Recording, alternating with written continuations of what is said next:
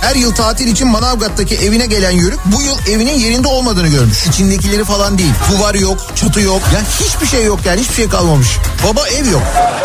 Samsun Büyükşehir Belediyesi'nin Mali Hizmetler Daire Başkanı makam odasındaki kasanın içinden 135 bin euro, 36 bin lira, bir tanesi 1 kilogramlık külçe olmak üzere yaklaşık 5 kilogram altın, 13 adet çeyrek altın, 75 tam altın, 50 yarım altın, 1059 tane çeyrek altın. Kendisi dahil 8 farklı kişi adına çeşitli bankalara ait 23 adet hesap cüzdanı, 40'a yakın gayrimenkul tapusu. Samsun burası ya. İstanbul'da kaçak hastane operasyonu. İkisi doktor 5 kişinin gözaltına alındığı operasyonda hastalardan alınan tahlillerin içinde dondurma da bulunan buzdolabında saklanması dikkat çekti. Daiki'nin sunduğu Nihat'la muhabbet hafta içi her sabah saat 7'den 9'a Türkiye'nin en kafa radyosunda.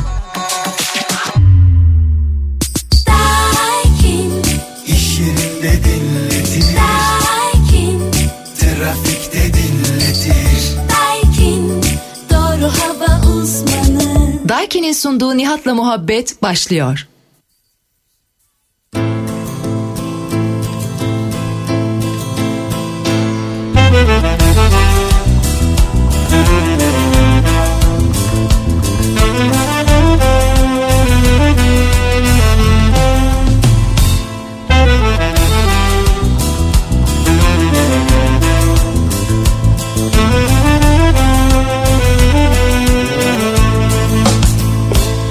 Döküldü yastığa, gölge bitti.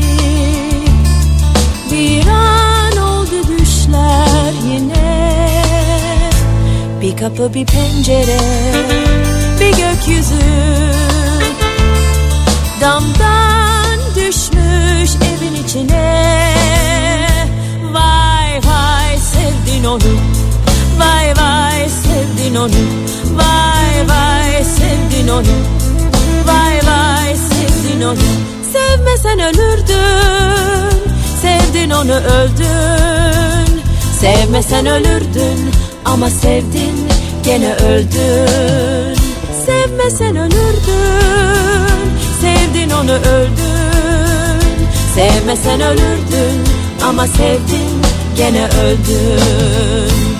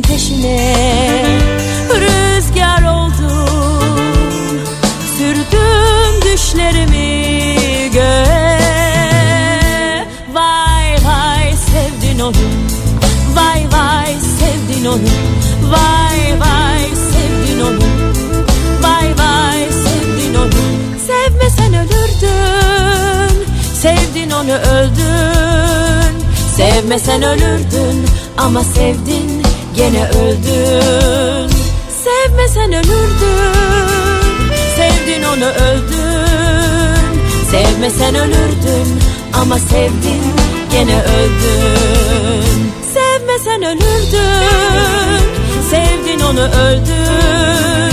Sevmesen ölürdün Ama sevdin gene öldün. Sevmesen ölürdün. Sevdin onu öldün. Türkiye'nin en kafa radyosundan, kafa radyodan hepinize günaydın. Yeni günün sabahı günlerden salı tarih 30 Mart. Gökyüzünün yine gri bulutlarla kaplı olduğu ve yine soğuk bir İstanbul sabahından sesleniyoruz. Türkiye'nin ve dünyanın dört bir yanına. Yoksa yakacağım gezegeni söyleyin Çok kararlıyım, çok hevesliyim Her şey tek bir kıvılcıma bakar ben Evrenin dışındayım evimde kiracıyım Sabah sekiz akşam beş arası uykudayım. Kendime yabancıyım kimlikte Sivaslıyım. Ben hiç aşık olmadım topluma savaştayım.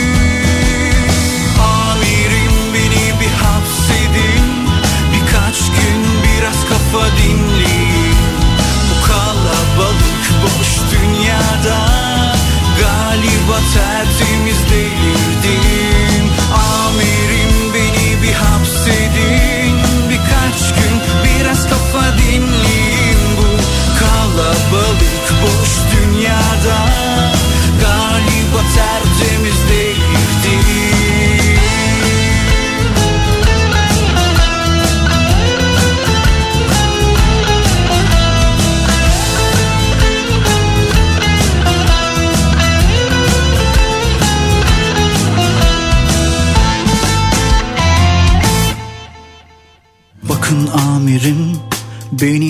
hapsedin Yoksa yakacağım bu gezegeni söyleyeyim. Çok kararlıyım, çok hevesliyim. Her şey tek bir kıvılcıma bakar bendiyim Evrenin dışındayım, evimde kiracıyım Sabah sekiz, akşam beş. Kendime yabancıyım, kimlikte Sivaslıyım. Ben hiç aşık olmadım, bu toplumla savaştayım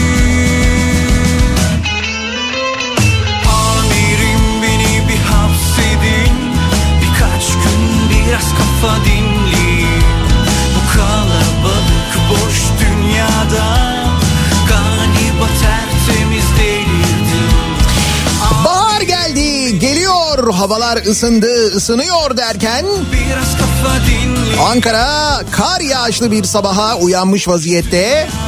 Daha doğrusu geceden yağan hafif bir kar var.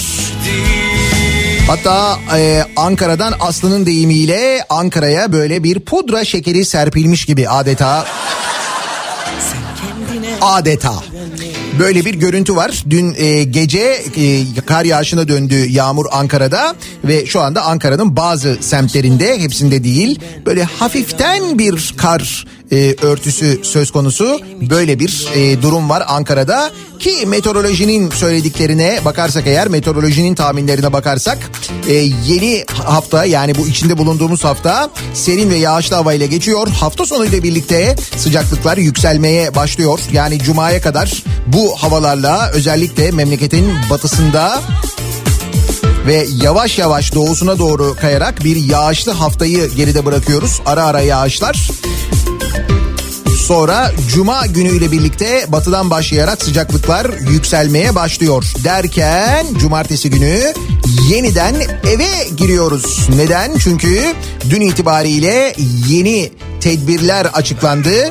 Çünkü vaka sayısı dün 32 bini buldu sevgili dinleyiciler. Bu vaka sayısıyla dünyada ilk 5 içinde yer alıyoruz. Ki bu vaka sayısı Sağlık Bakanlığı'nın açıkladığı vaka sayısı yani resmi vaka sayısı. Biz en baştan beri bu rakamlarla ilgili ne kadar doğru olduğu konusunda birçok deneyim yaşadık zaten biliyorsunuz. Seni sevdim Şimdi hal böyle olunca yeni bir risk haritası yayınlandı ve bu risk haritasına göre çok yüksek risk grubunda olan şehir sayısı 58'e yükseldi. Yani kırmızı olan şehirler 58 oldu. Ve bu şehirlerde hafta sonu cumartesi ve pazar günü sokağa çıkma yasağı geldi. Yine daha birçok e, değişiklik var. Kimi kafa karıştırıcı olmakla birlikte bir iki gün içinde herkesin net bir şekilde anlayacağı değişiklikler de diyebiliriz bunlara. Kopamazsın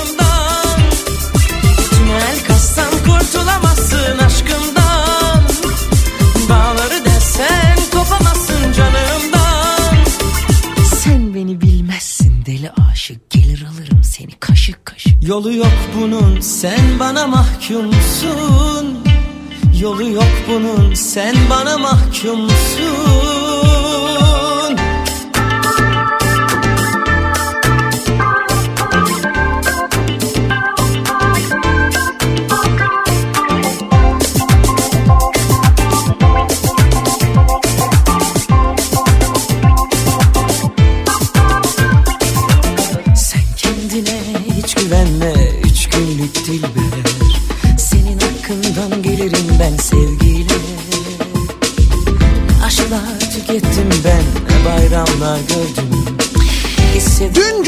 Cumhurbaşkanı'nın yaptığı açıklamalar sonrasında İçişleri Bakanlığı'nın yayınladığı bir genelge var. Bu genelge ile birlikte aslında daha e, net bir şekilde anlaşıldığını söyleyebiliriz. Uzun bir genelge olmakla ve biraz kafa karışıklığı yaratmakla birlikte kırmızı 58 şehir olduğunu ve bu kırmızı 58 şehirde cumartesi ve pazar sokağa çıkma yasağı olacağını söyleyelim. Bir kere en temel bilgi bu. Bunun yanında hangi şehirler kırmızı hangileri değil yani hangileri çok yüksek risk grubunda diye bakarsak eğer Şimdi çok yüksek risk grubunda olan şehirleri saymak pek e, mümkün değil. 58 şehir. O nedenle diğerlerini saymak daha iyi aslında. Bir kere düşük risk grubunda yer alan bir şehir var sadece yani mavi olan bir şehir var. Hani bu ilk risk haritası yayınlandığında işte hedefimiz mavi olmak, mavi hedefine hep beraber falan diye böyle sağa sola yazılar yazılmış, pankartlar asılmıştı ya. Heh. Şimdi işte bir tane il var sadece Şırnak. Sadece Şırnak şu anda mavi. Orta risk grubunda yer alan iller yani sarı olan iller Batman, Bitlis, Diyarbakır, Hakkari, Mardin, Muş, Siirt, Şanlıurfa, Uşak ve Van. Yani Uşak da sararmış anlayacağınız. Yüksek risk grubunda yer alanlar yani turuncu olanlar Adana, Afyonkarahisar, Ağrı, Bingöl, Burdur, Denizli, Hatay, Kahramanmaraş, Kars, Kırşehir, Manisa ve Tunceli. 12 ilde böyle işte bu illerden biri değilseniz o zaman tebrikler siz de kırmızı illerden bir tanesindesiniz. İşte bu kırmızı illerde kırmızı şehirlerde de dediğim gibi e, yayınlanan İçişleri Bakanlığı genelgesi ve işte dün Cumhurbaşkanı'nın yaptığı açıklama ile birlikte yeni tedbirler alındı.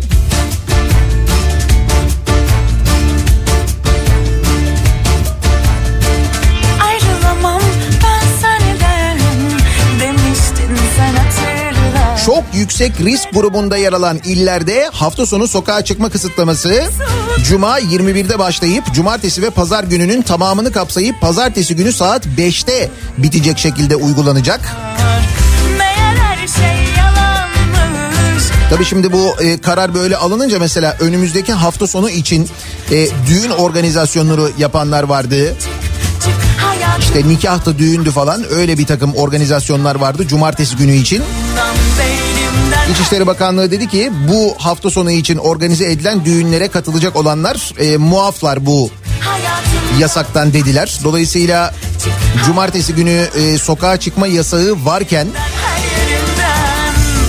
birdenbire kornalar ve konvoylar hani görebilirsiniz şaşırmayın diye söylüyorum. Beraberken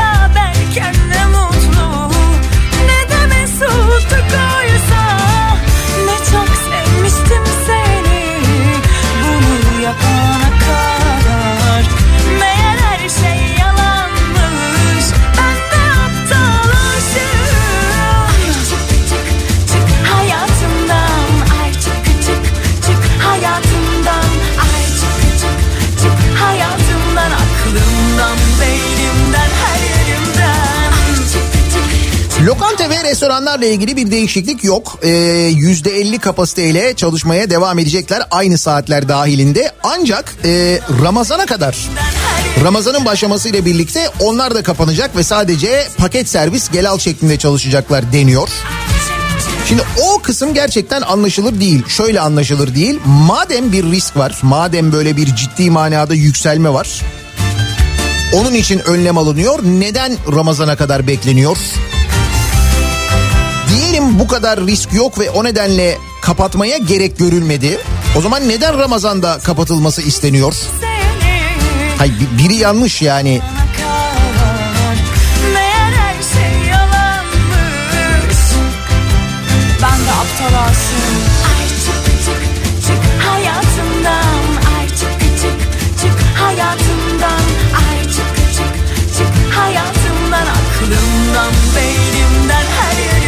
Yani en başta bu maske meselesi ni yaşadığımızda daha ilk başta o maske krizini yaşadığımızda aslında sonrasındaki günlerde sonrasındaki aylarda böyle şeylerin başımıza geleceğini 3 aşağı 5 yukarı biliyorduk da bilmekle yaşamak arasında fark var. Yaşadığınız zaman başka işte. Ve maalesef o kadar çok şey, o kadar çok aksaklık, o kadar çok mantıksızlık yaşamış vaziyetteyiz ki işin acı tarafı bize normal geliyor artık bunlar.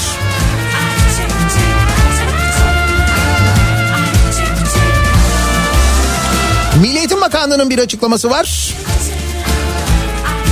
Eğitimde yerinde karar uygulaması kapsamında yüz yüze ve uzaktan eğitim faaliyetlerinde il bazlı kararlarla devam edileceğini açıklamış. Milli Eğitim Bakanlığı'nın da böyle bir e, açıklaması var aynı zamanda.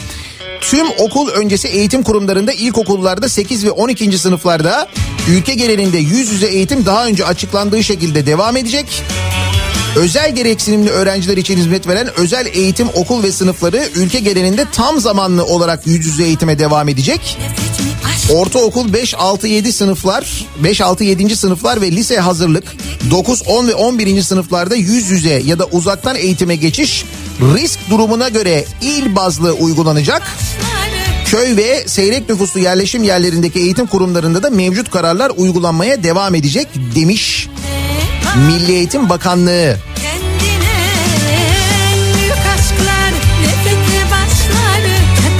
Ama en güzeli e, bu akşam oynanacak Türkiye-Letonya maçı ile ilgili yaşananlar.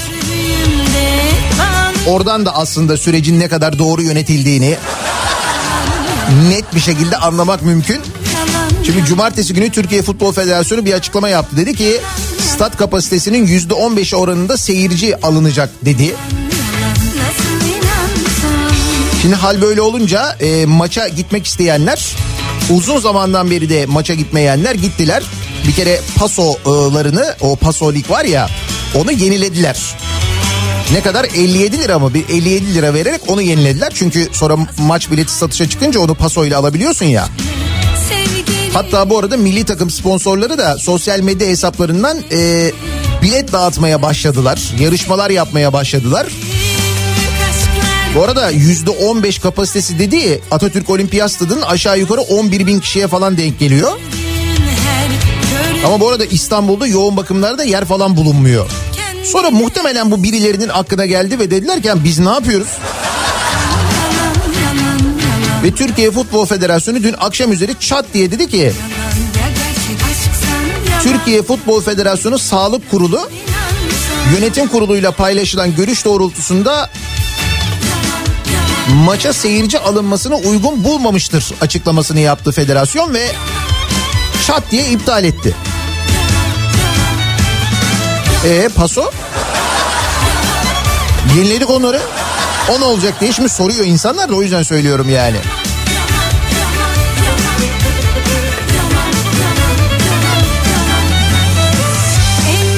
Neyse umalım da e, bu maçta böyle bir galibiyetle bitsin en azından hani öyle bir şey olsun.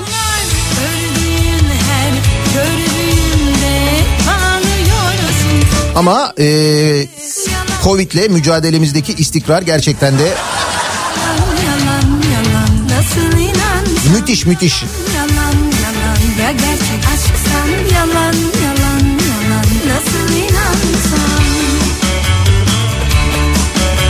Evet bak pasosunu yenileyenlerden mesajlar geliyor. Geçmiş olsun. Belki şey yaparlar canım iptal ederler, iade ederler. Belki öyle bir şey yaparlar. Salı gününün sabahındayız. Nasıl bir trafikle acaba işe gidiyoruz? Hemen dönelim trafiğin durumuna ee, bir bakalım göz atalım. Çünkü az önce de söylediğim gibi e, işte Ankara'da hafif bir e, kar yağışı durumu vardı. Yine de e, bir bakalım göz atalım acaba trafikte son durum nasıl?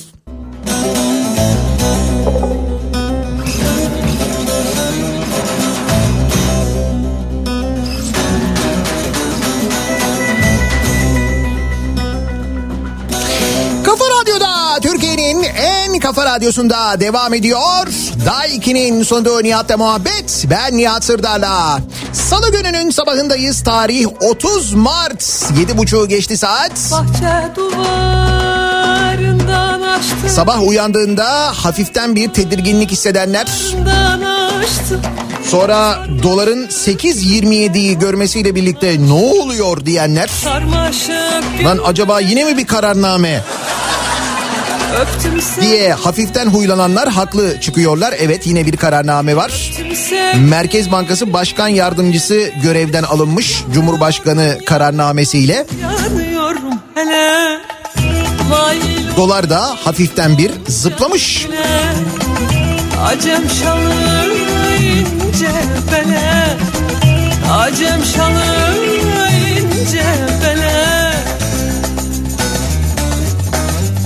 Ay şaşırdınız mı? Eğer şaşırdıysanız ben buna şaşıracağım da o yüzden soruyorum.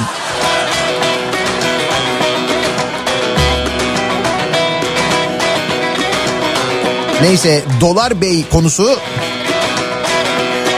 anladığım kadarıyla bir iki gün içinde daha epey gündemi meşgul edecek ama bizim bugün e, konuşacağımız çok konumuz var. Hepsinden önce bir Neşet Ertaş sesi duysak bir kendimize gelsek. Bir bakışta yaktın beni. Bir bakışta yaktın beni. Derdine bıraktın beni. Derdine bıraktın beni. Yaktın beni, yaktın beni. Yaktın beni, yaktın beni Yanıyorum, yanıyorum, yanıyorum felek Mail oldum Gonca güle. Acem şalı ince bile Acem şalı ince bile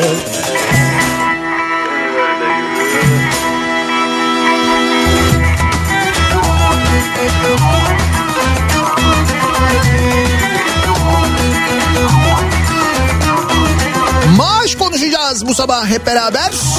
Çünkü yine maaşlar hem de çifter çifter maaşlar gündemde ama ona gelene kadar konuşacağımız başka konular da var. Mesela şöyle bir dolandırıcılık yöntemi olduğunu ki her gün yeni bir yöntem öğreniyor, keşfediyoruz.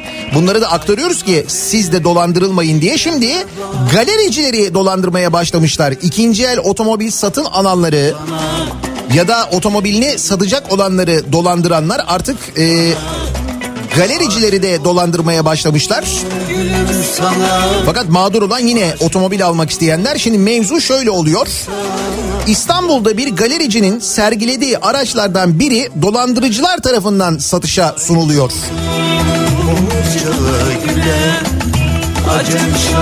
Şimdi şöyle oluyor. Galerici Yavuz Çiftçi karşısındaki kişilerin dolandırıcı olduğundan habersiz araç için pazarlık yapmış. Diyor ki pazarlık aşamasına geçtikten sonra arabanın ekspertizini istiyorlar. Otomatik olarak biz o ekspertizi gönderiyoruz. Kredi kullanacaklarını söylüyorlar. Arabanın ruhsatını gönderiyoruz. Ve detaylı fotoğraf istiyorlar. Detaylı fotoğrafı çekip gönderiyoruz. Şehir dışından arıyorlar galericiyi. Bütün bu işlemler yapılıyor. Dolandırıcılar da bu arada galericinin şüphelenmemesi için İstanbul'a geldiklerine dair uçak bileti fotoğrafı gönderiyorlar ve arabanın ilandan kaldırılmasını istiyorlar. Galerici diyor ki internetten çıkartın dediler biz de çıkarttık. Bir gün sonra satışı yapılacak. Bir iki saat sonra internete düşürdükten internetten düşürdükten sonra arabanın fiyatını 1 milyon 200 bine çekip onlar yayınlamışlar. Yani galericiye diyorlar ki sen internetten kaldır ilanı o kaldırıyor. Aldıkları bilgilerle aynı arabayı 1 milyon 600 bin lira olan arabayı 1 milyon 200 bine onlar yayınlıyorlar bu sefer. Nasıl yöntem? Elvan elvan memeler Kavuşamıyor düğmeler. Bugün günlerden salı Yarın bir reyhan dalı Gören maşallah desin Digi digi dal dal digi dal dal.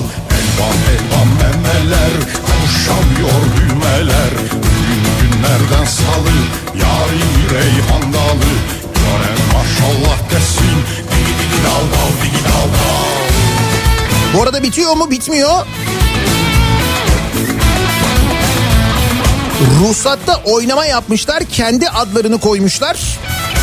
Yani şahıs kendi arabasını satıyor gibi göstermişler internete koydukları ilanda. Galerici Yavuz Çiftçi dolandırıcıların oyununuysa bir başka müşterisinden öğrenmiş. Müşterisinin 1 milyon 600 binlik aracı niye 1-200'den satıyorsunuz bir şey mi oldu sorusu üzerine oyunu anlamış. Ama o arada e, o ilanı görüp arayan e, yüzlerce kişi ödedikleri kaporaların üzerine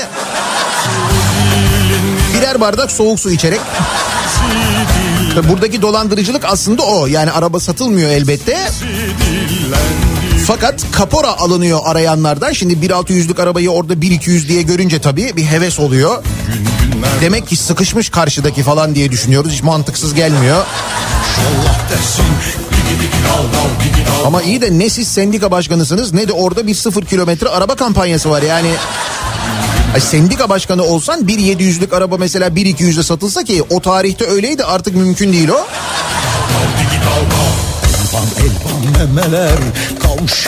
Burada tabii kaparolar işte 500 lira, 1000 lira, 1500 lira arabanın değerine göre değişen kaparolar alınıyor. Bu şekilde dolandırılıyor insanlar. Dolayısıyla böyle akmasa damlıyor gibi bir durum var. Halbuki daha yüksek organizasyonlar var mesela. Hani meblağın daha yüksek olduğu. 47 milyon mesela 47 milyon. 47 milyon tokatlamışlar. Kamu görevlilerine rüşvet verdikleri ortaya çıkan Tokatçılar örgütü yakalandı. İsmi Tokatçılar mı örgütü? Tokatçılar. Milli emlağa ait arazileri sahte tapu ve sözleşmelerle kiralayıp sattıkları öne sürülen Tokatçılar örgütü yakalandı. Örgüt üyelerinin bilgi ve belge temin etmek için kamu görevlilerine rüşvet verdikleri ortaya çıktı. Örgüt liderleri MT ve SG'nin bir yıllık banka hesap hareketlerinde 47 milyon lira para giriş çıkışı tespit edildi. İçmiyorsun. Ankara, İstanbul, İzmir ve Yozgat'ta düzenlenmiş operasyon. 6 aylık takipten sonra yakalanmışlar. Haydi cevap ver. Tokatçılar.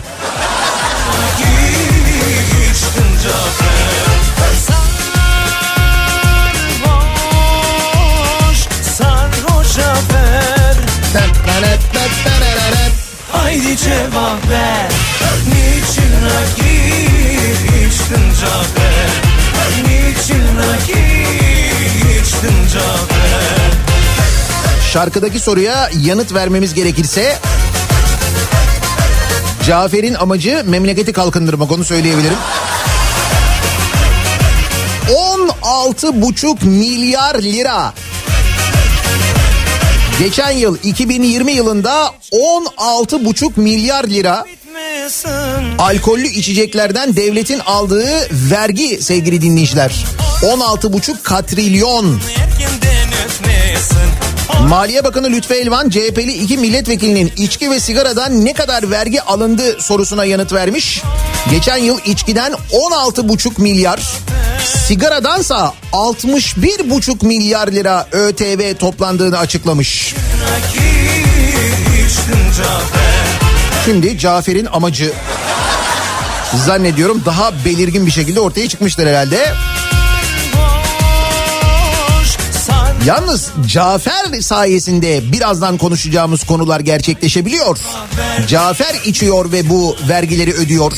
Cafer otomobil alıyor ve o vergileri ödüyor. Dünyanın en yüksek otomobil vergilerini ödüyor. Keza dünyanın en yüksek akaryakıt vergilerinden birini ödüyor ki Cafer. Arkadaşlar iki maaş, üç maaş, dört maaş alabiliyorlar. Dur maaş konusuna geleceğiz. Çok içmişsin Cafer Haydi geç düşeye Çok içmişsin Cafer Haydi geç düşeye Yine mi be Cafer Girmişsin şişeye Yine mi be Cafer Girmişsin şişeye ODTÜ'de gökkuşağı renkli merdivenler griye boyanmış. Orta Doğu Teknik Üniversitesi'nde öyle mi? Haydi cevap ver be Niçin rakip İlk olarak gezi direnişi zamanında ODTÜ'lü öğrenciler tarafından gökkuşağı renklerine boyanan kampüs merdivenleri okul yönetimi tarafından griye boyanmış. Arkadaş renklere de düşman olduk ya yani yeni bir alerji konumuz oldu. Ki biliyorsunuz çok fazla alerjimiz var bizim. Kere en başta bir Atatürk alerjisi var onu biliyoruz bak onunla ilgili de bir haber var. Hatta e, giderek konu mesela bir Türk alerjisine doğru ilerliyor. Müzik korolarından Türk ismi kaldırıldı haberi var. Hani bu geçenlerde konuşuyorduk mesela devlet madalyalarından Atatürk kabartmasının çıkartılması, sonra andımızın yasaklanması bunların hepsi böyle üst üste gelmişti. Ama bu arada bu devlet madalyalarından Atatürk kabartmasının neden çıkartıldığını Saygı Öztürk'ten öğrendik hafta sonu. Onu birazdan anlatacağım. Şimdi bu devlet e, korolarından, müzik korolarından Türk isminin kaldırılması meselesi enteresan. Basmada fistan Kültür ve Turizm Bakanlığı'nın olur verdiği önergeyle birlikte 4 ildeki müzik korosu ve topluluğundan Türk ismi çıkarılmış. Elazığ'daki Klasik Türk Müziği Korosu Müdürlüğü, Elazığ Kürsübaşı Müzik Topluluğu Müdürlüğü, Şanlıurfa'daki Devlet Türk Halk Müziği Korosu, Şanlıurfa Sıra Gecesi Müzik Topluluğu, Diyarbakır'daki Devlet Klasik Türk Müziği Korosu, Diyarbakır Medeniyetler Müziği Korosu, Edirne'deki Devlet Türk Müziği Topluluğu da Edirne Rumeli Müzikleri Topluluğu olarak değiştirilmiş.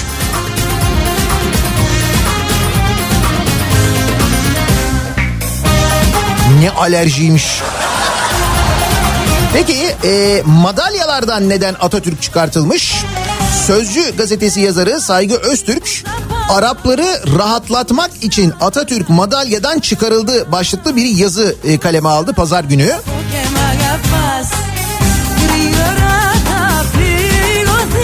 Devlet madalyalarından Atatürk kabartmasının çıkarılması ile ilgili olarak kendisine konuşan bir yargı mensubunun devlet nişanı verilecek Arap liderleri ve iş adamları Atatürk kabartmalı nişanlardan rahatsız oluyor. Onları rahatlatmak için Atatürk kabartmasının çıkarılması gündeme gelmişti dediğini aktarmış. Belgelere geçmeyen ama Atatürk'ün devlet madalyalarından çıkarılmasına neden olan iddiayı bir yargı mensubu şöyle anlattı demiş.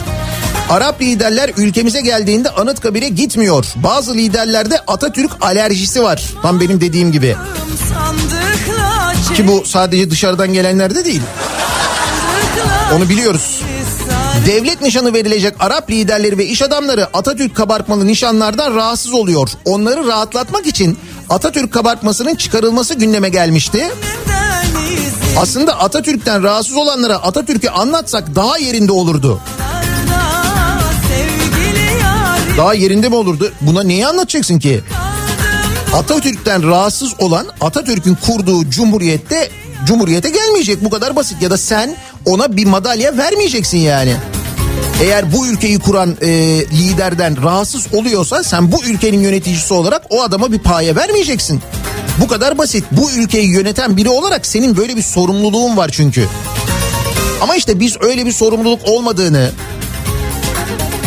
işte Suud Kralı'nın e, öl- ölümünden sonra Türkiye'de yas ilan edilmesi, Türkiye'de onlarca hadise, terör olayı meydana geldikten sonra bir tek yas ilan edilmemesinden bile biz zaten anlamıyor muyuz? Bu Arap hayranlığının ne vaziyette, ne durumda olduğunu zaten bilmiyor muyuz? Ama iş o noktaya kadar gelmiş vaziyette. Devlet nişanı ve madalyalardan Atatürk kabartmasını kaldırıyoruz ki beyefendiler rahatsız olmasın diye. Beyefendiyi bu arada lafın geliş söylüyorum. Bakın bugün başka bir haber daha var. Hemen onu da söyleyeyim size. Atatürk ilkelerini askeri kurslardan çıkarmışlar. Üniversite mezunları arasından subay, az subay yetiştiren askeri eğitim kurslarındaki Atatürk ilke ve devrimleri kaldırılmış.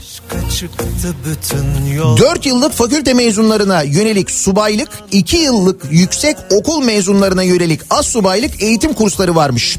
Bu kurslar 6 ay sürüyor ve bu kursları bitirenler Türk Silahlı Kuvvetleri'nde subay, az subay oluyorlar.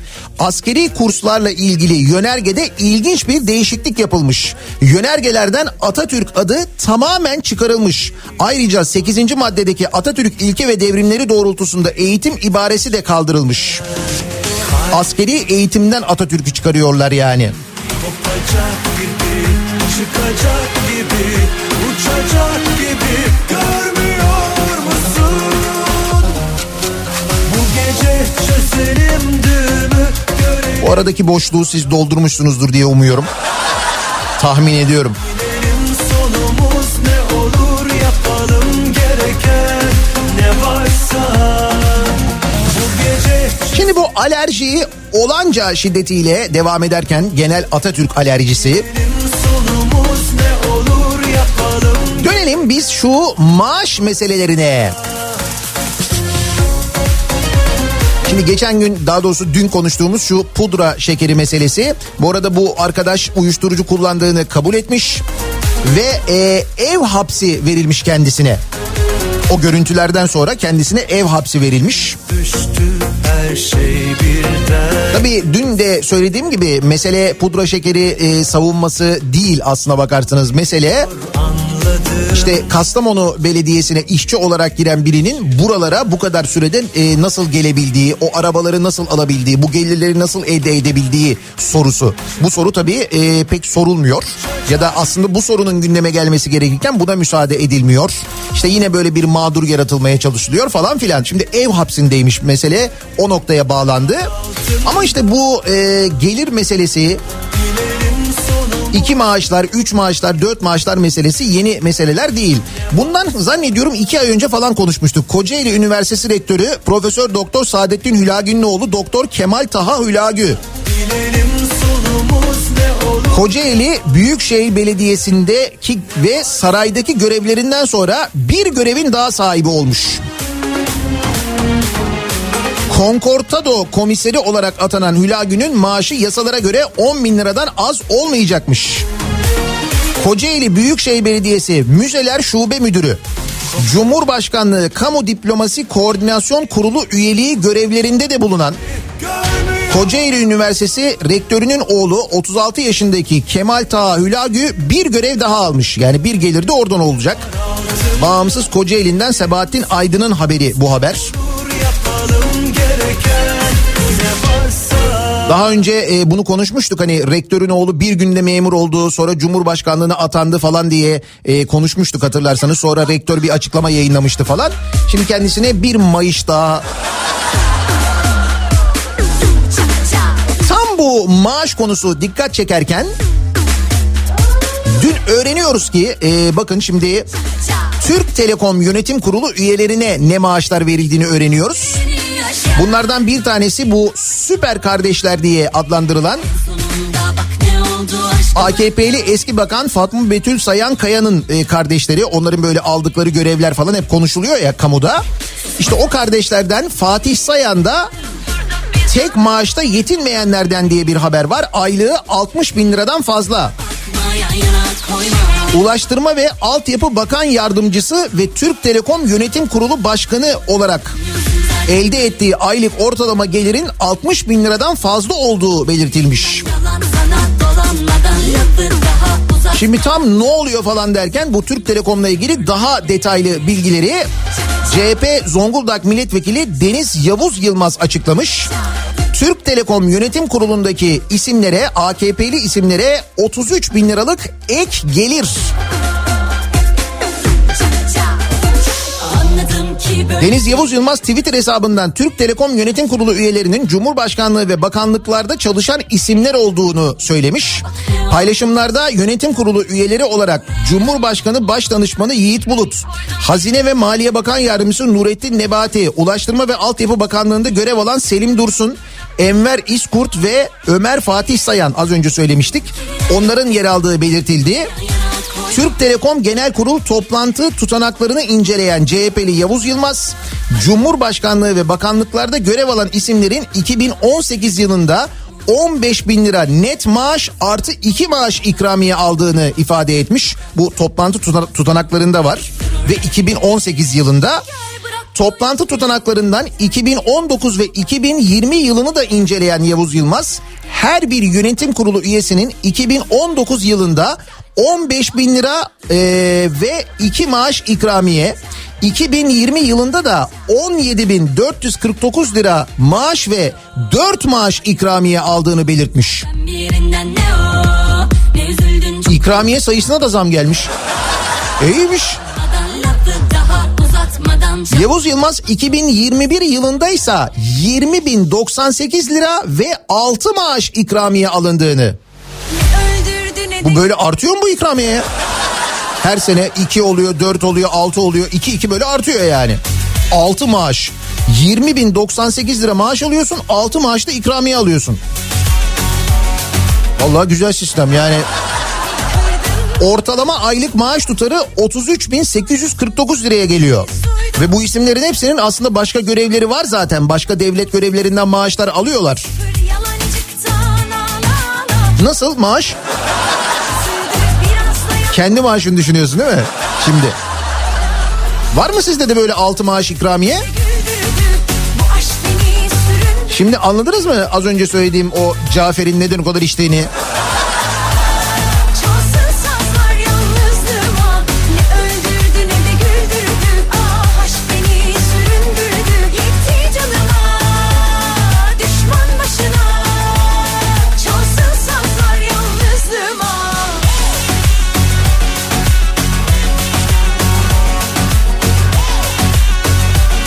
Ay şimdi böyle bir teselli cümlesi arıyorum ama neyse ki maaşlar dolarla değil diyesim geldi.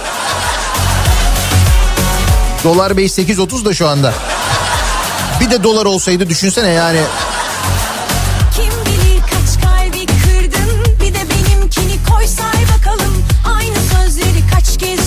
Şimdi maaş konuşulmaz işte maaş konuşmak ayıptır falan derler ya. Artık o konuyu bence aşmış olmalıyız. Uydur Her gün böyle yeni bir çift maaş, 3 maaş haberi geliyor.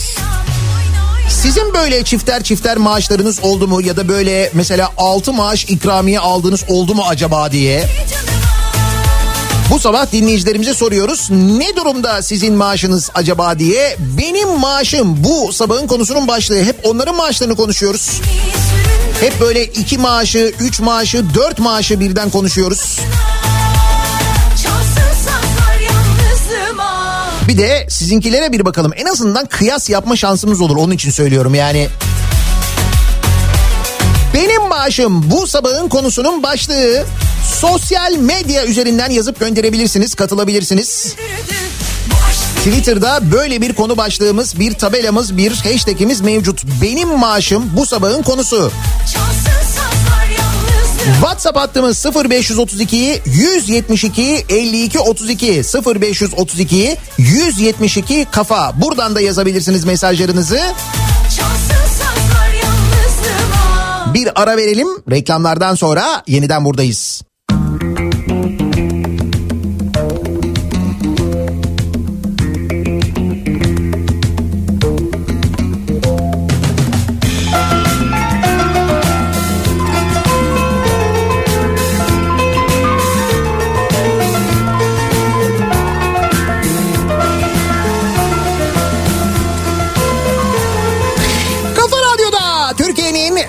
Kafa radyosunda devam ediyor. Daiki'nin sonunda Nihat'la muhabbet. Ben Nihat Sırdar'la Salı gününün sabahındayız.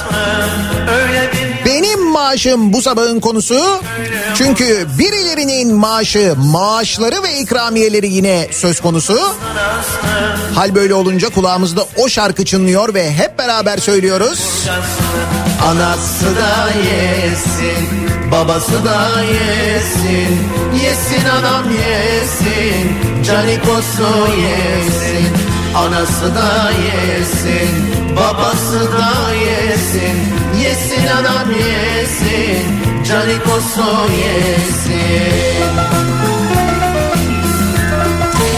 İşin kötü tarafı bu konuştuğumuz üçer maaşlar, dörder maaşlar, işte yılda altı ikramiyeler falan. Ya bu maaşları veren biziz yani sıkıntı orada aslında. Bir taraftan da bu var. Şimdi benim maaşım diye bak mesela diyor ki abi ne ikramiyesi ben daha yemek kartlarımı alamıyorum ya asgari ücretli mühendisim diyor. Mühendis asgari ücrette çalışıyor daha yemek kartlarımı alamıyorum diyor. Ama öte yandan bu arkadaşımız asgari ücretten ödediği vergiyle aynı zamanda o altı ikramiyeyi de karşılayan arkadaşımız. Babası da yesin, babası da yesin. Yesin anam yesin, canikosu yesin. Anası da yesin, babası da yesin. Yesin anam yesin, canı posu yesin. Anası da yesin. Maaşı geçtim bana 23 lira giyim yardımı yatıyor yıllık demiş mesela. Doktor e, bir dinleyicimiz göndermiş doktoroya. Yıllık 23 lira giyim yardımı nasıl? İyisiniz. Hadi iyisiniz hadi. Altı maaş ikramiye yok ama. Soluma vura vura içimizi çürütür. Baba doldur bu dert bizi büyütür. Ne içti söyle ne içtin? Giden mi baba değişti söyle. Soluma vura vura içimizi çürütür. Baba doldur bu dert bizi büyütür. Ne içti söyle ne içtin? Giden mi baba değişti söz Gözüm arkada yollarda O şimdi hangi kollarda? Gidecek bir sürü yol var da Baba bas bizi sollarlar. Gözüm arkada yollarda O şimdi hangi kollarda Gidecek bir sürü yol var da Baba sür bizi sonlarlar Gözüm arkada yollarda O şimdi hangi Benim maaşım bu sabahın konusu. 3 maaş, 4 maaş, 6 maaş, 6 maaş ikramiye nedir ya yılda? 2 maaşmış o ikramiye. Yönetim kurulu üyeleri bunlar. Türk Telekom yönetim kurulu üyeleri. 2 maaş ikramiye alırken bundan 3 sene önce 6 maaşa çıkmış ikramiye. Maaş dediği de bu arada 20 bin küsür.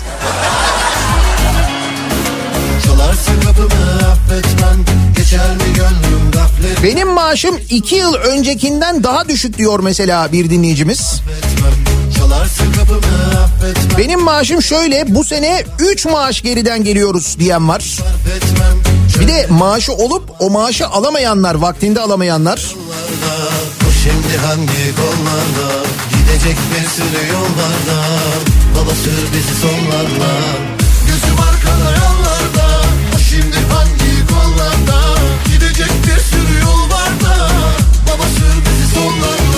Tuncay ve Özgür asgari ücretle çalışıyoruz. Asgari ücrete zam geleceği zaman 40 kere toplantı yapıyorlar, çok buluyorlar. Ve yine de biz asgari ücretle çalışırken 3 aydır maaş alamıyoruz. Ne altı maaş ikramiyesi.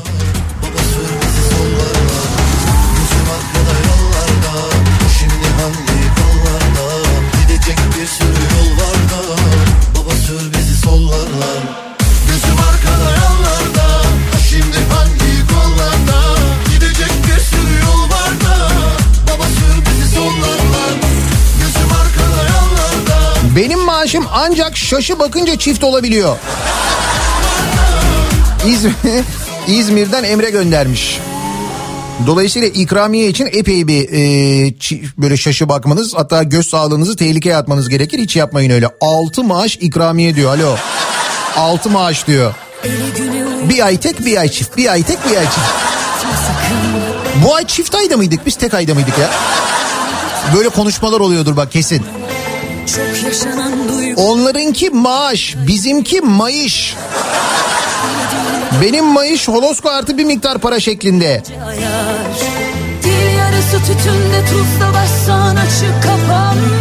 Benim maaşım kot pantolonun sağ tarafındaki küçük cebe anca sığıyor. Asgari ücretle çalışıyorum diyor Mersin'den Ümit. Kar topu gibi büyük günden güne misline katlanıyor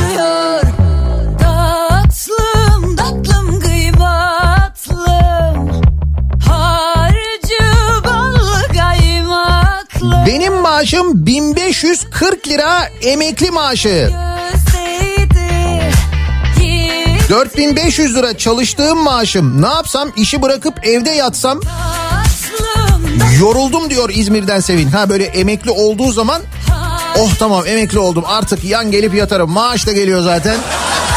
Ne kadar geliyormuş? 1540 lira. Siz baktınız mı hiç son zamanlarda mesela emekli olduğunuzda ne kadar maaş alacağınızı? Hiçbir kontrol ettiniz mi onu görebiliyorsunuz ya. Bir bakın bakalım ne oluyor. Ona göre emeklilik planınızı yapın diye söylüyorum.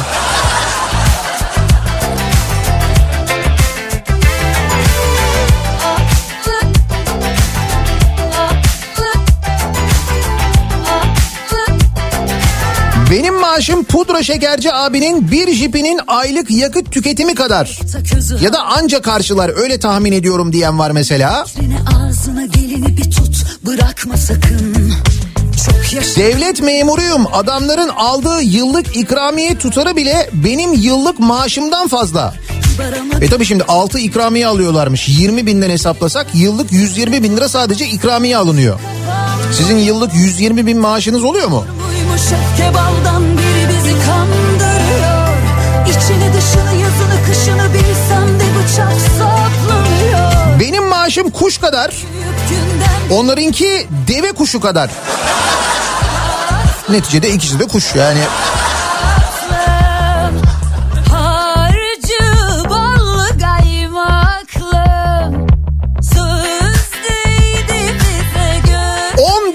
göz sağlık çalışanıyım. Maaş artı döner sermaye 4500 lira benim maaşım.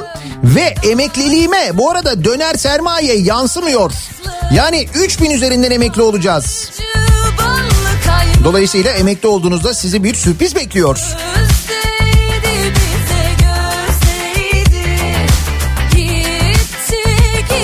Emekli babam, eşim ve ben çalışıyoruz. Nasip olursa 4 yaşındaki oğlumuza da iş bakıyoruz. Hedefimiz 4 maaş. Yani bizde de mesela böyle 3 maaş 4 maaş olabiliyor ama anca bu şekilde olabiliyor. Ne yapsın 4 yaşındaki çocuğu nasıl çalışacaksınız acaba?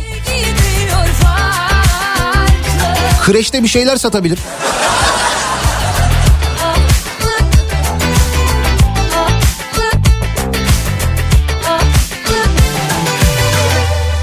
Benim maaşım 4300 lira. 15 yıldır muhasebeciyim. Cumartesi e, olmayan zamanında maaş veren yer bir burası vardı. Bu maaşı kabul ettim ama resmi ücret de daha az görünüyor aynı zamanda.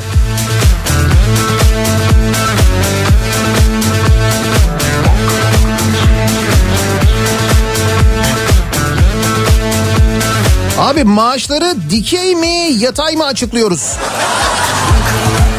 diye soruyor Özdemir. Şöyle şimdi 6 maaş ikramiye olunca o böyle e, yatay yatay konuşulduğu ya da yatay çekildiği için çokmuş gibi görünüyor ama aslında dikey baktığın zaman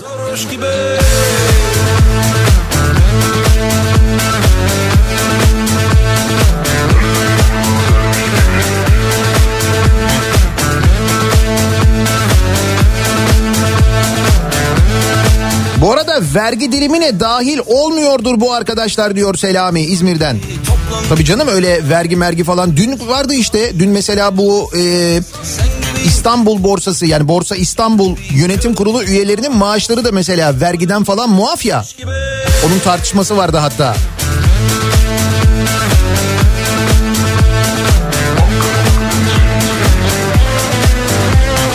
Bir de direkt benim maaşım yok diyenler var, çalışmayanlar var, işsiz olanlar var. Altı ikramiyeye inanmayanlar var. Belgesi var canım. Bayağı Türk Telekom Yönetim Kurulu toplantı tutanakları falan var işte oradan paylaşmış Deniz Yavuz Yılmaz. Benim aldığım maaşla onların aldığı maaşların yanaklarıyla dudaklarını tokuşturalım. Belki ikramiye çıkar oradan diyor Ceyhan'dan Akif. O ikrami yok. Bizden elbet bir şey çıkar da bize bir şey düşmez. Onu ben söyleyeyim sana.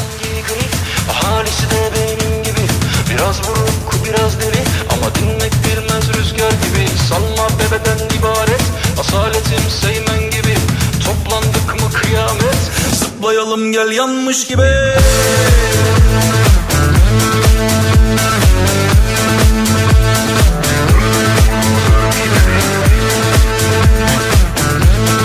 Mersin'den Deniz özel bir şirkette bölge satış yöneticisiyim. Yasaklar sebebiyle 3 ay boyunca cumartesi günleri çalışmadığım için aylık 800 lira kesinti yapıldı. Sanki biz keyfimizden çalışmıyoruz. Pandemi var ne yapabiliriz ama işte böyle kesintiler yapılmış mesela. Ben maaş istemiyorum. 6 ikramiye bana yeterli diyen var. Yani maaşlardan 12 maaşı istemiyorum 6 e, maaş ikramiyeyi versinler bana o da bana yeter diyen var. Bak o da güzel. Benim maaşım iki üniversite bir yüksek lisans bitirdim. Uzun zaman işsizlik üstüne ücretli öğretmenlik ilaç gibi geldi. Ama daha almadım maaşı sürprizi kaçmasın diye de hesaplamadım diyor Nazan. Kendi kendimize böyle heyecanlar yaratıyoruz sürprizler bir şeyler.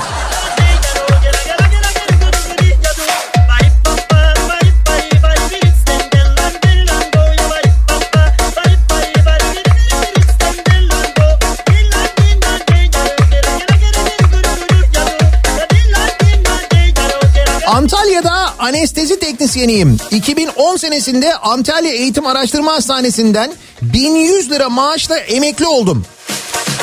2000 lira maaşta özel hastanede çalışmaya başladım. 2013'te emekli maaşım 650 dolar yapıyordu. Şimdi yıl 2021 emekli maaşım 385 dolara düştü. Dolar üzerinden hesapladığın zaman 650 dolardan 385 dolara. Ve hala çalışıyorum. Maaşım da 3000 lira. E ikramiye yok burada. Tane bile yok mu ya ikramiye?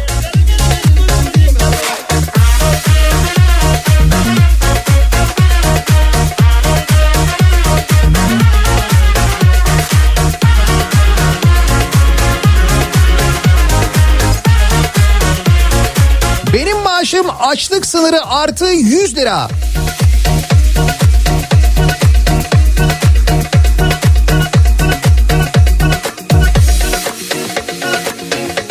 Abi yılda 4 ikramiye olmasına rağmen bir yıllık maaşım ortalama 4500 lirayı ancak buluyor. Sabah 7.30 akşam 17 çalışıyorum diyor Ankara'dan Aykut. Aykut'cum ikramiye var. Hem de 4 tane. Ve ikramiyelere rağmen ortalama bu mu oluyor yani?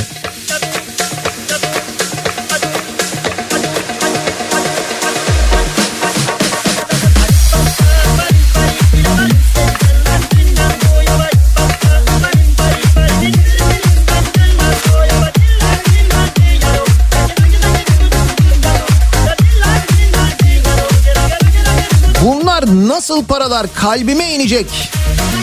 Biz de ay başını zor getiriyoruz asgari ücretle diye soran var. Ya bunlar nasıl paralar diye soruyorsunuz da bunlar sizin paralarınız kardeşim. Bunlar havadan gökten yağan paralar falan değil. Bunlar senden benden bizden kesilen vergiler, ödediğimiz vergiler, her nefeste ödediğimiz vergiler. Markette alışveriş yaparken ödediğin vergiler.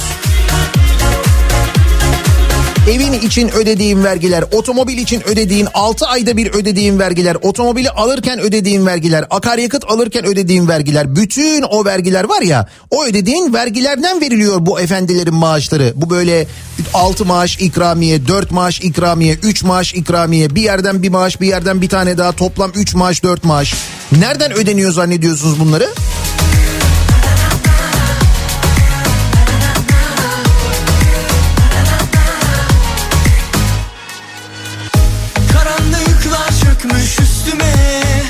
2011 yılında yaptığımız bir operasyonda organize bir çeteyi çökertmiştik.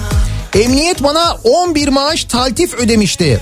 11 maaş 800 liraya denk geliyordu. Şimdi 2000 liraya tekabül ediyor diyor polis bir dinleyicimiz. Oo ikramiyeye bak. kalmadı der 11 maaş taltif 2000 liraya mı denk geliyor?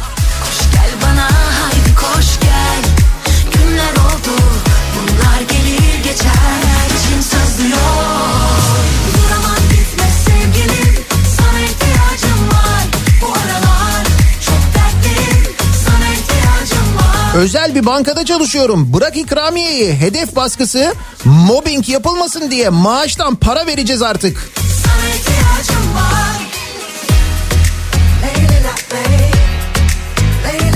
Bir de e, şöyle insanlar var diyorlar ki gönüllü olarak maaşlarımızı asgari ücrete çevirdik çünkü iş yerinin durumu iyi değil.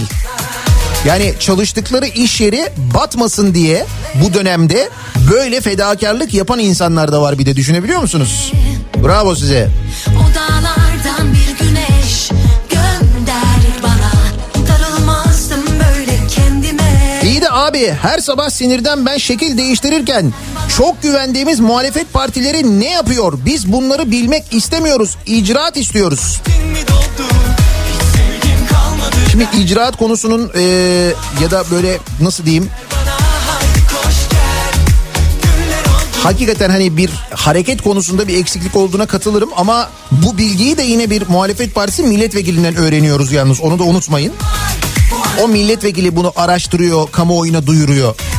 Eskiden bunu gazeteciler araştırırlardı, gazetecilerden öğrenirdik eskiden.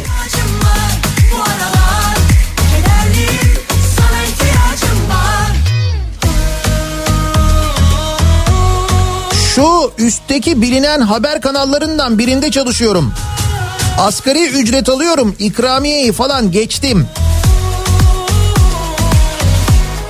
Benim maaşım dördüncü aydan itibaren vergiye giriyor. Bırak artmayı yerinde saymayı bir de her ay düzenli olarak düşüyor diyor. İzmir'den şoför Murat göndermiş. Bir de eksiliyor değil mi düzenli olarak? İkramiye? Yok.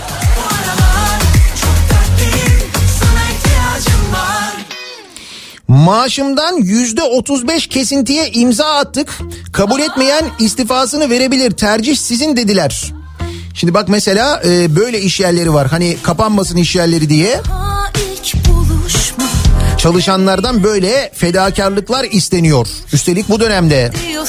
Zor gerçekten çok zor. Tanırım onu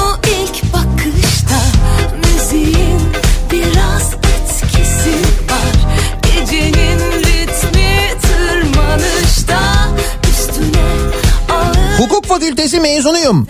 Bizde stajlar mezun olduktan sonra başlıyor. Her gün sabah 9.30 akşam 6 çalışıyorum ve benim maaşım 800 lira. Stajyer maaşı 800 lira mı veriyorlar? 800 lira. Ve inanın bu parayı nereye harcayacağımı şaşırıyorum. Zaten o yüzden size ikramiye vermiyorlardır. Bu kadar çok parayla. Üstelik yol ve yemek de karşılamıyorlar. Abi demek ki stajyerlerin kaderi hiç değişmemiş. 90'larda stajyerdim ben aynıydı biliyor musun? Ama yok ya ben haksızlık etmeyeyim. Ben staj yaparken yemek, yol falan onları veriyorlardı. Bir de belli bir şey vardı. Asgari ücretin yüzde bilmem kaçı gibi onu veriyorlardı. Muhtemelen bu rakam da ona tekabül ediyordur.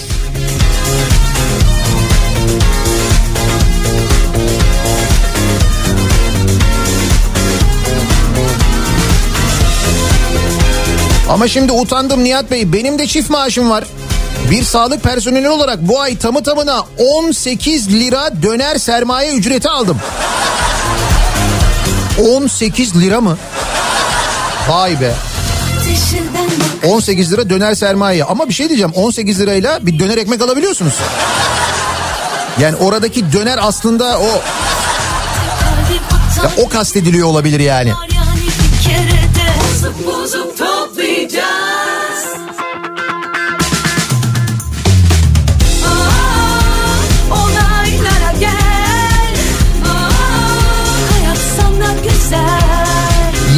Kurumsal bir firmada çalışıyorum. Benim maaşım 3800 lira.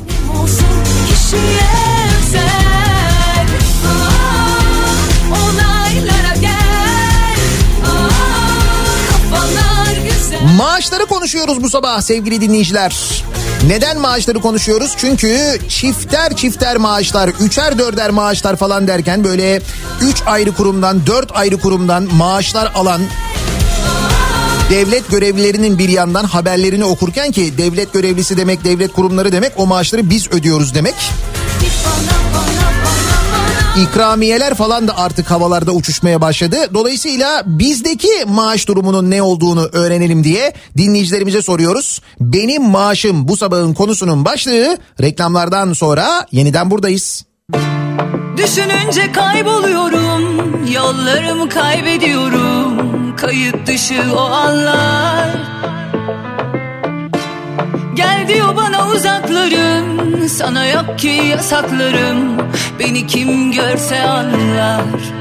Sen baya bela belasın Bela bela Bela belasın Bela bela Radyo'da Türkiye'nin en kafa radyosunda devam ediyor. Daiki'nin sunduğu Nihat'la muhabbet. Ben Nihat Sırdar'la. 30 Mart Salı gününün sabahındayız. Maaşlarla ilgili konuşuyoruz. 2 maaş, 3 maaş, 4 maaş derken 2 ikramiye o bir sene sonra 4, bir sene sonra 6 ikramiye olmuş. Sizdeki durum nedir acaba diye soruyoruz. Benim maaşım son bir yıldır tam bir maaş bile değil diyor mesela Elif. Ben ilk görüşte Aklım o, gülüşte Bazı şirketlerde asgari geçim indirimi maaşla birlikte verilip sözde zam yapmış gibi gösteriliyor demiş mesela Okan. Her tarafım itirafta Hayat öyle pek Benim maaşım 12 yıl önce 900 dolara denk geliyordu. Şimdi 424 dolara falan denk geliyor. Yarı yarıyadan daha da düşük yani. Hasan göndermiş bu arada an itibariyle 8.30. Dolar Bey. Hafta sonu şey e, hafta sonu diyorum gece yine böyle bir kararname olmuş. Merkez Bankası Başkan Yardımcısı görevden alınmış. Dün yeni Merkez Bankası Başkanı konuşunca zaten bir zıplamıştı. Yine zıpladı. Kayboluyorum Yollarımı kaybediyorum Kayıt dışı o anlar Çift maaş mı? Bu halk sadece bir çift görüyordu. O da okey oynarken çift okey diyor Taner. Beni kim O da kaç kere geliyor ki? Geliyor mu gerçekten yani? Ne kadar nadir olduğunu düşünsene. Bela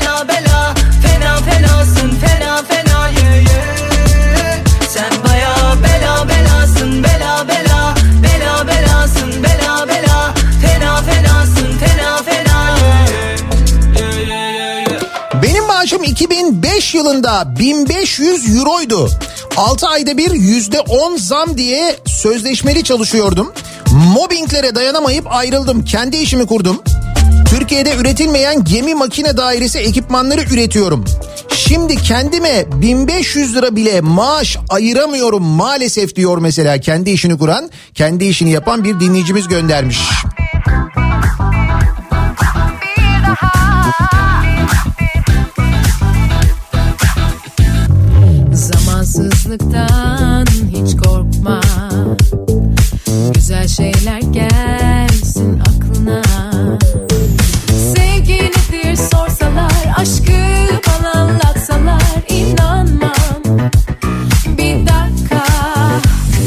Maaşım sanal para olarak ödeniyor sanırım. Ben maaşı görmüyorum.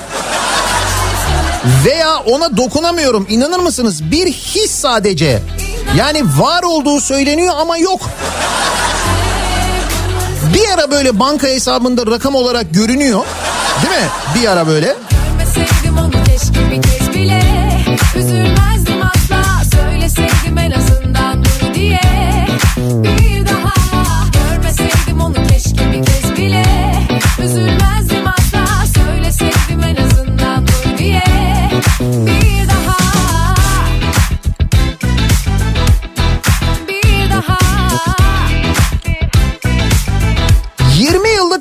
öğretmenim. İkramiye ne onu hiç bilmiyorum. Hiç almadım. Şimdi okullar açık olduğu için doğal olarak hastayım ve raporluyum. Öğrencilerim geri kalmasın diye akşamları Zoom'dan ders anlatıyorum gönüllü olarak. Kimsenin haberi yok. Ama raporluyum ya verdikleri iki kuruş ek ders ücretimi de kesiyorlar. Biz ikramiye bilmeyiz biz kesinti biliriz. Diyor öğretmen dinleyicimiz göndermiş.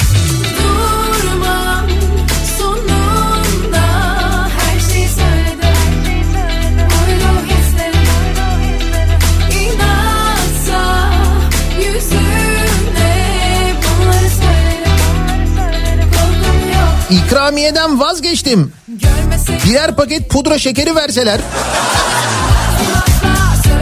Ama işte pudra şekerini verince bu kez gideceksin onun ya böreğini alacaksın ya çileğini alacaksın. Bir de o var yani. Üzülmezdim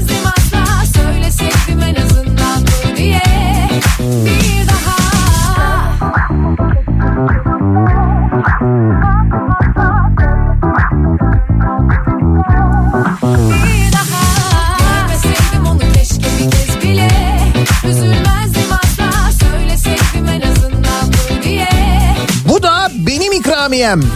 Bahçeşehir'den yoldan bir fotoğraf göndermiş bir dinleyicimiz. Gökkuşağı var ya. Bu sabahın ikramiyesi diyor yani.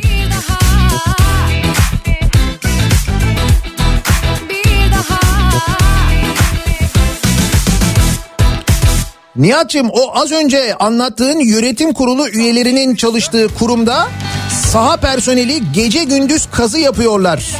Yaz kış demeden Edirne'den Ardahan'a fiber optik kablo döşüyorlar.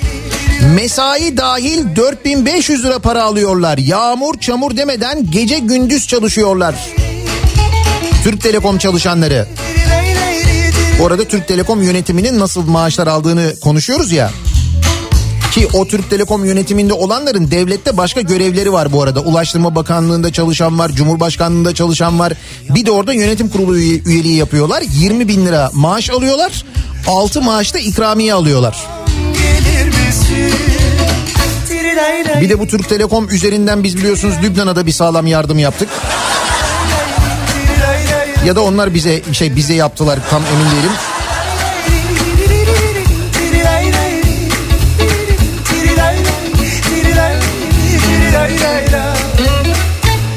Başka Yayının başında bahsettiğim bir dolandırıcılık hikayesi vardı. Hani bu e, bir galeriyi, galericiyi dolandırıp e, galericinin sattığı arabanın bilgilerini ondan alacağız diye alıp sonra internetten ilanı kaldırıp kendileri ilan koymuş. İşte mesela bir 600'lük arabaya bir 200 yazmış ve yüzlerce insandan kapora alıp ortadan kaybolmuştu ya dolandırıcılar. İşte bugünlerde otomobil almakla ilgili bu dolandırılma meselelerine çok dikkat etmek lazım. Bir de otomobille ilgili bir bilgi geçtiğimiz hafta sonu cumartesi günü Kafa Radyo'da otomobil adamlar e, Turgut Yüksekdağ ve Halit Volkan anlattılar. Şimdi hem sıfır kilometre otomobillere zam gelme ihtimali e, bugünlerde önümüzdeki günlerde kur artışından dolayı hem de bu çip krizi sebebiyle dünya genelindeki otomobil üretiminde e, işte bir sıkıntı yaşanması ve buna bağlı olarak araba bulunmasının e, zor olması yine fiyatların yükselmesine sebep olacak. Buna bağlı olarak ikinci el otomobil fiyatlarında da bir artış e, beklenecek aynı zamanda önümüzdeki günlerde. İşte o yüzden varsa imkan fırsat bugünlerde ikinci el otomobil almayı düşünüyorum diyorsanız eğer o zaman e, bir ihaleden daha doğrusu bireysel ihaleden bahsedeceğiz. Bir kere kesinlikle güvenilir çünkü Otokoç tarafından gerçekleştiriliyor. 29 Mart yani dün başladı 5 Nisan tarihine kadar devam ediyor. Ve siz bireysel olarak yani bu ihale sayfasına giriyorsunuz. otokoçihale.com site bu. Girin siteye göreceksiniz orada bireysel ihale bölümü var. İşte o bölüme girdiğinizde beğendiğiniz araç için teklifte bulunabiliyorsunuz. Üstelik o aracın bütün detaylarını online olarak görüyorsunuz. En ince detayına kadar fotoğraflarını görüyorsunuz. Mini hasar resimlerini inceliyorsunuz. Sonra almak istediğiniz aracı hem rekabet zevkini de tadarak aynı zamanda fiyatı konusunda başka üyelerin de tekliflerini takip ederek acaba fazla para mı veriyorum endişesi yaşamadan açık artırma mantığıyla alabiliyorsunuz. gece yarısı yoktan sevda yapar 5 Nisan 22'ye kadar devam ediyor. Otokoçihale.com sayfasına girdiğinizde göreceksiniz. adamı Ya da dur ihaleye gerek yok ben gireyim oradan bakayım derseniz o zaman Otokoç ikinci el.com'a giriyorsunuz. Yüzlerce otomobil farklı markalardan farklı modellerden var. Ama bir daha söylüyorum ikinci el otomobil fiyatlarında bir artış kaçınılmaz görünüyor önümüzdeki günlerde aylarda. Kara ben akarım Küçük adımı Kara fakiden ben akarım.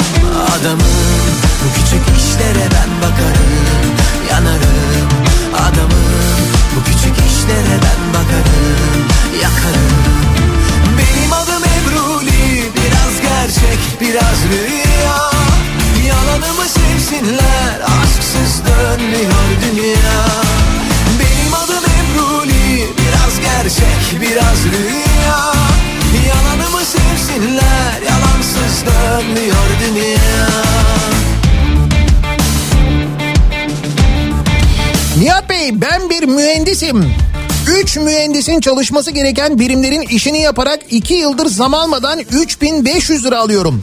Bu sırada asgari ücret 1800 liradan 2800 liraya çıktı. Primi geçtim. Ek mesai ücreti verilmiyor. Üstüne bir de bedavadan ek mesai yapmıyorum diye yeterince çalışmadığım söyleniyor. Maksat tazminatı yakıp istifa ettirmek. Bir de böyle patronlar var. Sizler bana danışır Kelebeklerin aklı benim Gemilerle her gece ben Çok uzaklardan dönerim Sen unut geçmişini Ben aklımda tutarım Sen unut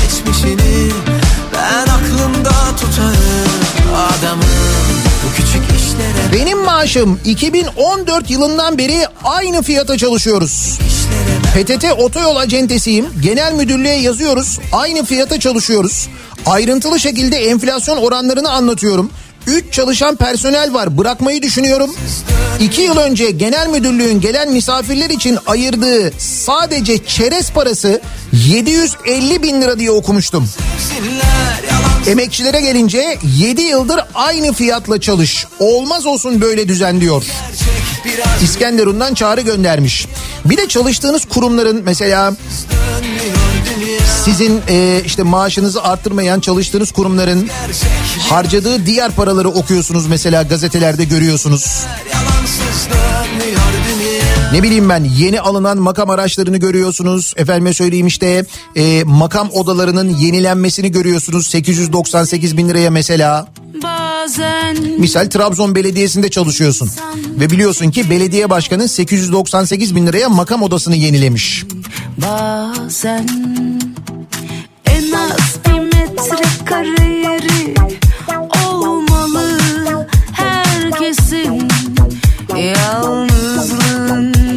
de tabii bazı belediyeler var ki çalışanlarına asgari ücretin neredeyse iki katı hatta bazıları üç katı maaş veriyorlar.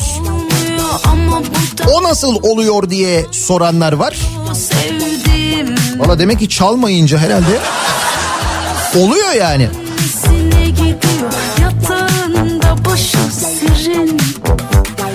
Hadi hadi canım hadi hadi Evimize gidelim konuşuruz tabii Stajyer maaşı asgari ücret bürütünün üçte biridir. En az onun altında eğer stajyer maaşı veriliyorsa suçtur. Mali müşavir Hıdır Taş'tan göndermiş bak. Stajyer ücreti olarak size bundan az veriyorlarsa o suç oluyormuş. Hemen haber veriyorsunuz FBI geliyor. Yeter ki doğruyu söylesin Canımı yesin diyor bana Oltaya geliyorum her defa biliyor Yalana da dolana da Benim kızım Almanya'da Audi'de staj yaptı. 1500 euro maaş verdiler. Diyor mesela Gülcan. Aa orada bizimki gibi değil miymiş stajyer maaşları? Hayret. Bak sen. yanıyor Ama o da olmuyor ama bu da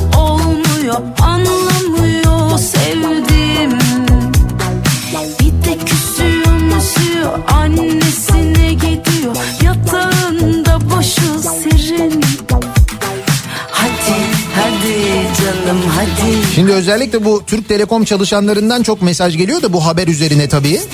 Yani bu bahsettiğimiz 6 ikramiye falan e, Türk Telekom Yönetim Kurulu çalışanlarına veriliyor ya. 10 yıllık bir Türk Telekom e, kapsam içi çalışanı olarak 2 tam 4 yarım ikramiyemiz olmasına rağmen yıllık 50 bin lira ücreti anca kazanabiliyoruz ve pandemi sürecinde Türk Telekom özelleştiğinden beridir en fazla satış ve kar yaptığı dönemi yaşıyor. Hakkımızı yiyenlere hakkımızı helal etmiyoruz Türk Telekom çalışanları olarak demişler.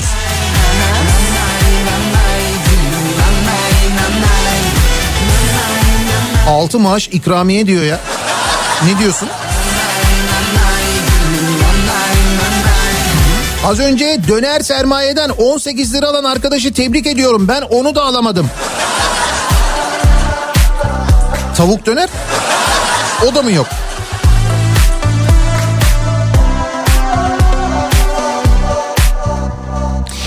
Benim maaşım bu sabahın konusunun başlığı soruyoruz dinleyicilerimize konuşuyoruz. Bu sabah maaşlarla ilgili konuşuyoruz. Malum 2 maaş, 3 maaş, 4 maaş derken yılda 6 ikramiyeye kadar çıktı artık barem. Sizdeki maaş durumu nedir diye soruyoruz. Reklamlardan sonra yeniden buradayız.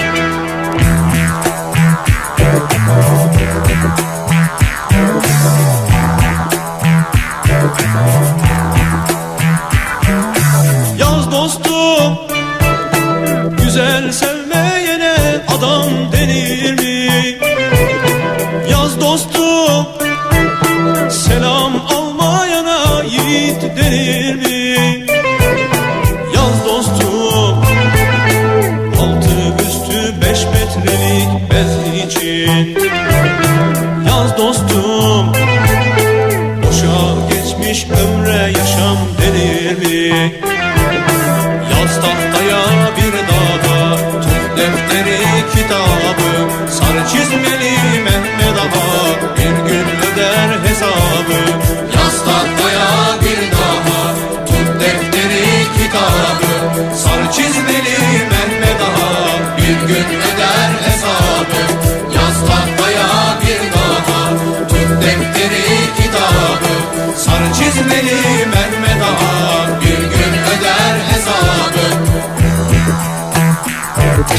Kafa Radyo'da Türkiye'nin en kafa radyosunda devam ediyor. Daiki'nin sonunda Nihat'la muhabbet. Ben Nihat Sırdar'la. Yaz dostum Yoksul görsen İstanbul'da Anadolu yakasından başlayan bir yağış yavaş yavaş şehri etkisini altına alacak gibi görünüyor.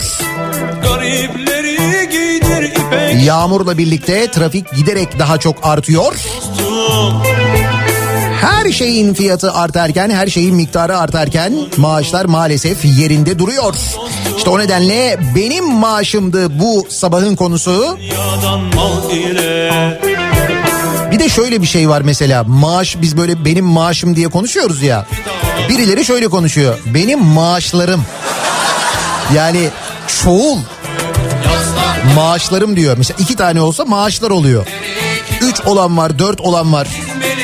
İkramiyelerim var mesela.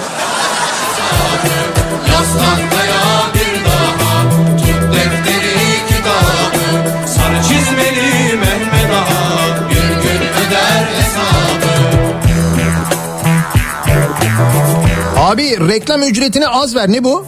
He, Ankara'da belediye otobüslerinin arkasına reklam verdik kafa radyo olarak. Fakat otobüsün arkası o kadar kirli ki hiçbir şey görünmüyor. Söyler kendi Bunu bir gün ekleyebiliyor muyuz sonra? Yaz dostum Su üstüne yazı yazsan kalır mı? Yaz dostum Bir dünya ki haklı haksız karışmış Yaz dostum Boşa koysan dolmaz dolusu alır mı? Maaşlarla ilgili mesajlar geliyor. Yani gerçekten de şu haberlerde okuduğumuz maaşları alanlar, böyle iki maaş, üç maaş alanlar, o ikramiyeleri alanlar, şu maaşları insanların e, nasıl çalıştıklarını görseler bir miktar utanırlar mı acaba? Çok az. Kitabı Yayınımızın sonuna geliyoruz. Mikrofonu Kripto Odası'na Güçlü Mete'ye devrediyoruz. Türkiye'nin ve dünyanın gündemini son gelişmeleri ki gece yine Cumhurbaşkanı kararnamesi var. Yine görevden almalar var. Buna bağlı olarak dolarda yükselme var. Birazdan detayları dinleyeceksiniz. Kripto Odası'nda yeni yasaklar, kısıtlamalar. Bu akşam 18 haberlerinden sonra eve dönüş yolunda ben yeniden bu mikrofondayım. Tekrar görüşünceye dek hoşçakalın.